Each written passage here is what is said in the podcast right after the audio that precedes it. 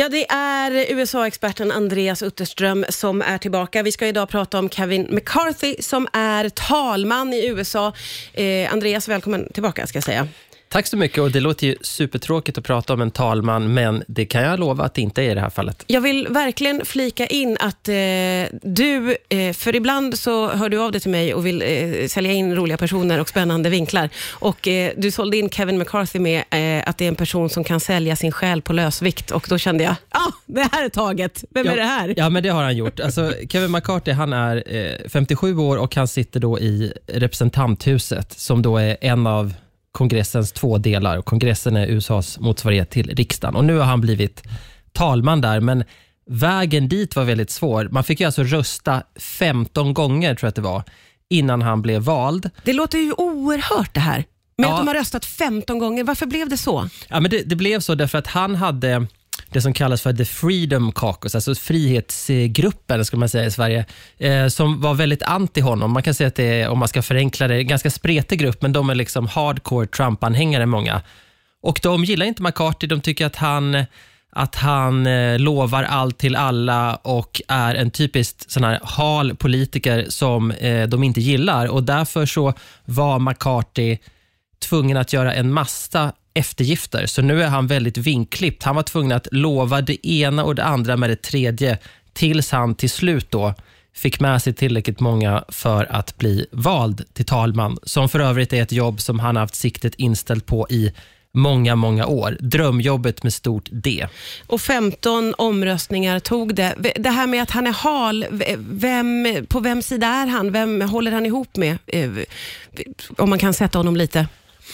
Han är på den sida där det passar för tillfället. Och det, okay. och det är både hans styrka och svaghet för att han är i servicebranschen och har förstått att i, det här, eh, i den här rollen så måste man ägna sig åt att få andra att känna sig nöjda så att man kan styra den här gruppen.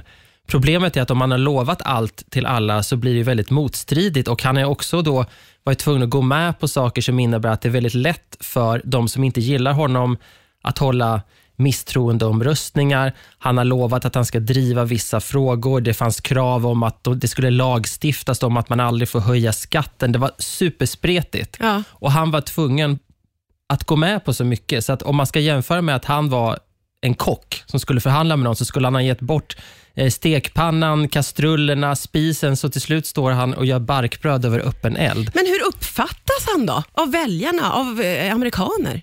Alltså den vanliga amerikanen tror jag bryr sig väldigt lite därför att Republikanerna eh, handlar ju bara om, om Donald Trump. Ah. Men, men de som är mer insiders och nördar som jag har ju fascinerats över hur han har försökt hålla alla eh, nöjda och då gjort sig till kompis med de mest extrema i partiet. Alltså till exempel Marjorie Taylor Greene som är har pratat väldigt mycket om Qanon, konspirationsteorier och sånt. Mm. Han har verkligen försökt få med sig alla och det gör man ju inte utan att betala ett pris för det och därför så kommer han nu få världens värsta, värsta jobb så länge han nu kan behålla det. Vi ska fortsätta prata om Kevin McCarthy alldeles strax här på Rix FM. Rix FM. Idag är det USA-experten Andreas Utterström som är tillbaka. Vi pratar om Kevin McCarthy som Andreas i alla fall beskriver som en person som kan sälja, eller som ja, säljer sin själ på lös. Vilket uttryck som jag fastnar för direkt naturligtvis. Martina, vad skulle få dig att sälja din själ på lösvikt? Oj, vilken otroligt stor fråga. Nej, men den måste jag ju återkomma till, känner jag. Ja, men gör det. Nu blev jag programledare, men vi kanske ska byta tillbaka man, till ordinarie och, och roller. också att man inte bara säljer sin själ, man säljer den på lösvikt. Det är mm. det är så otroligt kan vi, diskutera, vi kan diskutera prissättning sen också. Vi diskuterar prissättning ja. i ett annat avsnitt helt enkelt. Yes. Vi pratade om att Kevin McCarthy ju är vingklippt, men vad har han för kvaliteter skulle du säga? Ja, han har blivit väldigt hånad nu för att det var 15 omröstningar. Det var ganska förnedrande att se ja. också så hur de höll på och kohandlade. För det var intressant för att i vanliga fall då när det filmas i den här stora salen där alla sitter, då är kamerorna fasta och bara riktade mot ordförande och den som står i talarstolen och sådär. Den här gången så fanns inte de reglerna för den nya kongressen hade inte tillträtt och, och, bestämt de här reglerna. Så nu kunde de filma hur de ville och då kunde man se så vilka som pratar med varandra. Gamla fiender sitter plötsligt och pratar och kohandlar och sånt. Och Det var väldigt intressant. Då kunde man liksom se McCarthy, att han gick liksom och försökte ta folk i örat och sådär. Det var oerhört spännande, men förnedrande för honom att behöva gå igenom det här då så många gånger. Ja. Men för att svara på din fråga, vad är det enda som har gjort att han har kommit hit? Jo, men han är en väldigt bra nätverkare. Och eh, Det ska man inte eh, underskatta. Han är eh, en eh, trevlig person, säger någon som har beskrivit honom, som gärna gillar att visa selfies som han har tagit med olika Hollywoodkändisar. Och eh, ganska tjusig person också. Ser ut som någon som gav din pappa sparken, kan man säga. ja, kan man säga. och Framförallt är han väldigt duktig på att samla in pengar. Mm, Okej, okay. och det är viktigt. Det är superviktigt i amerikansk politik därför att när du ska driva en kampanj så behöver du ha en stor organisation, nästan som att du bygger en startup. Du måste få folk att registrera sig för att gå och rösta. Det är liksom andra premisser än i Sverige. Mm. Och sen så, framförallt i vissa delstater, så måste du köpa svindyr tv-reklam. Därför att annars eh, har du ingen chans. Och Då behöver man pengarna från McCarthy. Så att han, och han reser runt hela tiden och på olika middagar och andra events där man samlar in pengar. Och Då kan det vara så att det är en middag med eh, massa folk då som, som vill ta selfies med McCarthy och så och där det kostar, alltså startpriset är eh, 100 000 svenska kronor och då får du i princip sitta längst ner i ena hörnet vid garderoben. och sen ju närmare McCarthy, desto bättre. Och Det här gör ju folk av två skäl. Det ena är ju att eh, man kanske då brinner för det republikanska partiet och det andra är att man tänker att man ska få en en kontakt. Inte att man kan köpa sig lagstiftningen man vill ha, men när man har någonting att framföra, mm. om man nu har skänkt fem miljoner, ja, då kanske eh, McCartys medarbetare åtminstone måste lyssna på en när man säger att eh, något fullständigt galet, därför att man, de står i skuld till dem helt enkelt. Så att McCarthy, han är en riktig kassako och det gör att han Eh, han blir viktig. Han blir viktig och har fått hög status.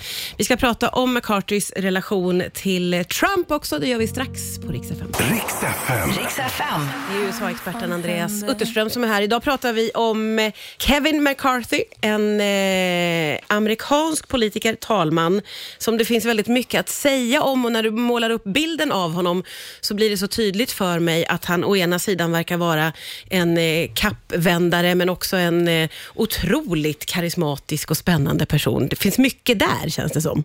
Oh ja, och eh, även en genomsnittligt karismatisk amerikansk politiker är ju mer karismatisk ja. än, än det bästa vi har i Sverige. Så det ska man ju eh, hålla, eh, verkligen ha i åtanke. Så att det här är en person som skulle eh, charm, charma oss eh, sanslösa båda två, Martina, om han kom in här i rummet. Ja. Eh, vi ska prata lite grann om eh, den relation han har till Donald Trump. Mm. Och Den är superspännande därför att Kevin McCarthy har ju haft ett enda, en enda sak eh, som han har varit inställd på. Jag vill bli talman, jag vill få makt. Och Det lägger jag inga liksom, moraliska synpunkter på, för det är väl helt naturligt när man är, jobbar med politik på den här nivån. Men han lierade sig tidigt med Trump eh, för att han såg att det var det som var gångbart. Mm. Men efter stormningen den 6 januari så då var ju McCarthy i huset och blev rejält omskakad av det som höll på att hända och eh, ringde då till Donald Trump och gapade och skrek och, och skällde på honom och eh, höll också något slags anförande där han sa att det här, det här får Donald Trump ta på sig skulden för. Men vad händer sen? Han inser att nu har jag gjort bort mig rent politiskt. Ah.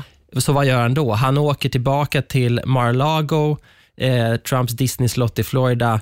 Han tar en bild med Donald Trump, eh, tummen upp, detta tweetas ut och sen, sen dess har han aldrig sagt ett ont ord om Donald Trump igen. Så att de som alltid har tyckt att Kevin McCarthy är en person som fullständigt saknar ryggrad. De har ju det här som exempel nummer ett. Ja, det förstår man ju. Och är det också så enkelt, tänker man, att liksom vända Ja, det, det, det, är det. Och är det någon som har visat att man kan göra på det sättet så är det Donald Trump som kan tycka en sak på måndagen och en på tisdagen. Ja. Och, och eh, Som tack för detta då så var ju Trump eh, efter ett tag eh, delaktig i att pressa de här som var motståndare till McCarthy för att rösta igenom att han blev talman. Det finns till och med en fantastisk bild där, där en av de här anhängarna hon, hon, Marjorie Taylor Greene, hon håller mobiltelefonen så ser man att det står DT, alltså för Donald Trump, på displayen och försöker ge den till en motsträvig kollega som håller upp handen som skydd. Nej, nej. För att hon då, för att hon då säger så här, prata med Donald Trump och förklara nu varför du inte vill rösta på Kevin.